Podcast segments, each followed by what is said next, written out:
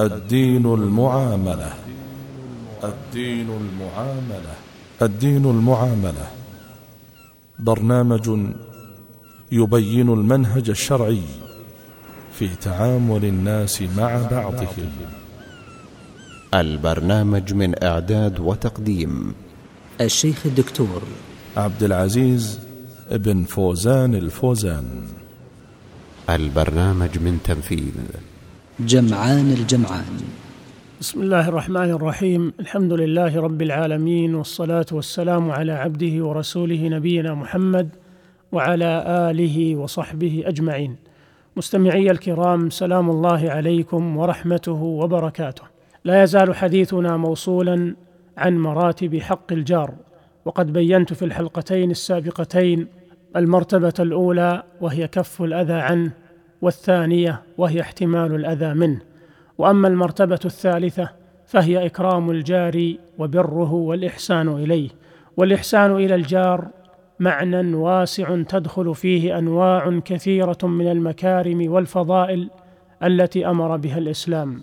فكل ما يجب للمسلم على المسلم من حقوق فإنه يجب على الجار لجاره المسلم من باب أولى وأحرى لأن له حق الإسلام وحق الجوار أيضا ومن ذلك محبته والتودد إليه والسلام عليه وطلاقة الوجه معه وعيادته إذا مرض وتشييعه إذا مات ونصره إذا ظلم وكفه عن الظلم والمعصية بقدر الاستطاعة ومواساته وبذل المعروف له وتفريج كربته وإعانته عند حاجته وتعزيته عند المصيبة وتهنئته في الفرح وإدخال السرور عليه والإهداء إليه والنصيحة له ولأولاده وأهله وتعليمه ما يجهله من أمر دينه ودنياه وموعظته بالحسنى وإعانته على طاعة الله تعالى ودعوته إلى الإسلام وترغيبه فيه إن كان كافرا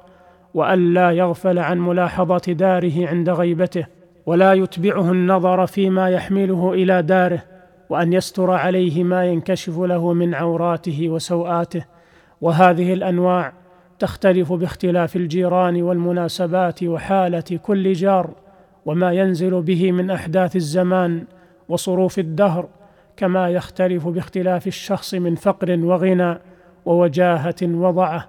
ومن هذه الأنواع ما هو فرض عين ومنها ما هو فرض كفاية ومنها ما يكون مستحبا. والجامع لهذا كله أن تحسن إلى جارك بكل ما تقدر عليه من قول جميل وفعل حميد وأن ترجو له الخير وتحب له ما تحب لنفسك وتقدم له ما استطعت من معروف ايا كان نوعه وأن تتألف قلبه وتتودد إليه بما يحب من الخير. روي عن ابن عباس رضي الله عنهما أنه قال ثلاثة أخلاق كانت في الجاهلية مستحبة والمسلمون أولى بها.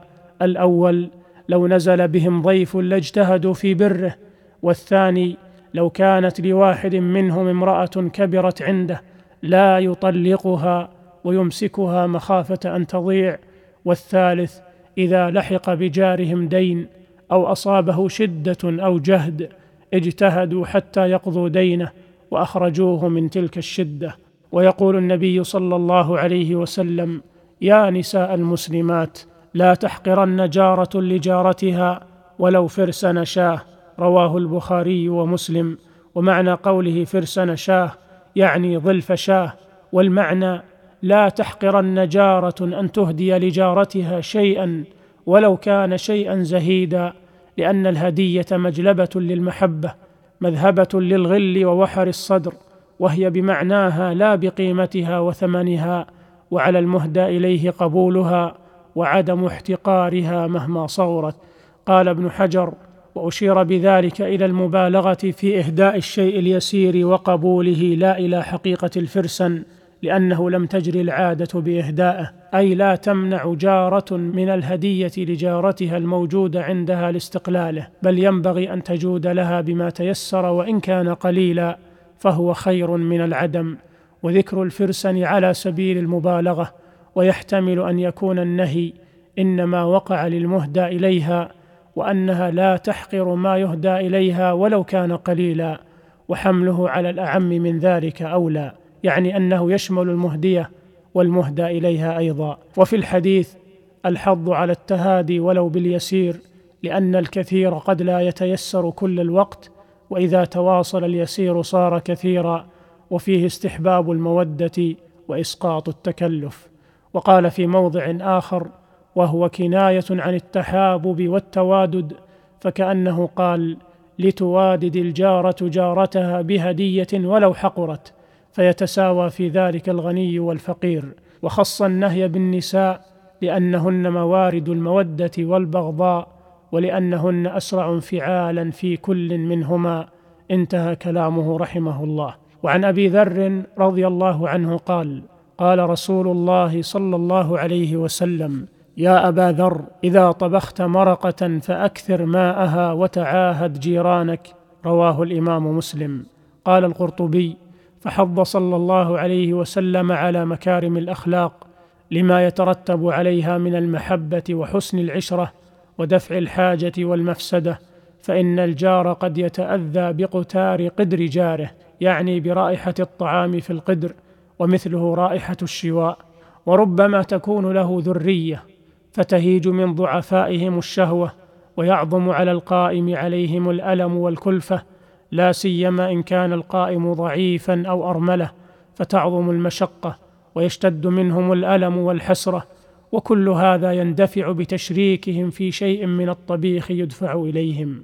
وقال العلماء لما قال عليه الصلاة والسلام فأكثر ماءها نبه بذلك على تيسير الأمر على البخيل تنبيها لطيفا وجعل الزيادة فيما ليس له ثمن وهو الماء. ولذلك لم يقل إذا طبخت مرقة فأكثر لحمها إذ لا يسهل ذلك على كل أحد. انتهى كلامه رحمه الله. وما أكرم جاره من بات شبعانا تاخما وبات جاره جائعا طاويا وفي الحديث الصحيح ليس المؤمن الذي يشبع وجاره جائع إلى جنبه. وفي رواية ما آمن بي من بات شبعانا وجاره جائع إلى جنبه وهو يعلم به. رواه البخاري في الأدب المفرد والبيهقي في السنن الكبرى وأبو يعلى والطبراني في المعجم الكبير. والحاكم وقال صحيح الإسناد وافقه الذهبي. وقال المنذري رجاله ثقات وكذا قال الهيثمي وصححه الألباني. ومما ينبغي التنبيه عليه في هذا المقام أهمية الاجتماعات بين الجيران. إن من الأمور المعينة على القيام بحق الجار وبخاصة في هذا الزمن الذي كثرت فيه الشواغل والصوارف والمغريات التقاء الجيران بشكل دوري واجتماعهم في كل شهر أو شهرين أو أقل من ذلك أو أكثر عند أحدهم أو على التناوب فيما بينهم والاستفادة من ذلك بالتعارف والتآلف وتوثيق المحبة والصلة بينهم والوقوف على أحوال بعضهم البعض ومشاركتهم في أفراحهم وأحزانهم وتفقد غائبهم وعيادة مريضهم وإعانة محتاجهم وتقويم معوجهم ونصيحة بعضهم لبعض. كما يستفاد من هذا الاجتماع الدوري في مدارسة أحوال الحي وما يحتاج إليه من خدمات وإصلاحات ومعالجة ما قد يكون فيه من مشكلات ومنكرات من تقصير في الصلاة أو تجمعات مشبوهة أو تسكع ومعاكسات ودوران وتفحيط بالسيارات أو تعديات وسرقات أو غير ذلك. وكل هذا من التعاون على البر والتقوى ومن الاهتمام بأمر الجيران والإحسان إليهم كما أن الإنسان قليل بنفسه كثير بإخوانه واليد الواحدة لا تصفق كما ينبغي العناية بأمر الناشئة والشباب خاصة والحرص على تهيئة البيئة الصالحة لتربيتهم وإعدادهم وحمايتهم من أنواع المنكرات والفواحش التي قد تنتشر في بعض الأحياء بسبب إهمال الجيران والآباء. وعدم تعاونهم على تربية هؤلاء الأبناء وتكوين المناخ الصالح لتزكية نفوسهم وتهذيب أخلاقهم وتطهير قلوبهم وحثهم على التنافس في الخير والبعد عن مواطن الفساد والشر. فينبغي أن يكون الحي كل حي مكملا لدور المنزل والمدرسة ومعينا على الإصلاح والتربية وبخاصة مسجد الحي الذي يجب تفعيل دوره. وتعظيم أثره بحيث يكون عامرا بحلقات التعليم والتحفيظ وجلسات الوعظ والذكر وأن يكون مصدر إشعاع وتوجيه لكل من يرتاده أو يعيش حوله من أهل الحي. اللهم اهدنا لأحسن الأعمال والأخلاق. لا يهدي لأحسنها إلا أنت. واصرف عنا سيء الأخلاق والأعمال. لا يصرف عنا سيئها إلا أنت. واغفر اللهم لنا ولأهلينا ووالدينا وجيراننا وإخواننا المسلمين وإلى لقاء قادم. أستودعكم الله الذي لا تضيع ودائعه. والسلام عليكم ورحمة الله وبركاته.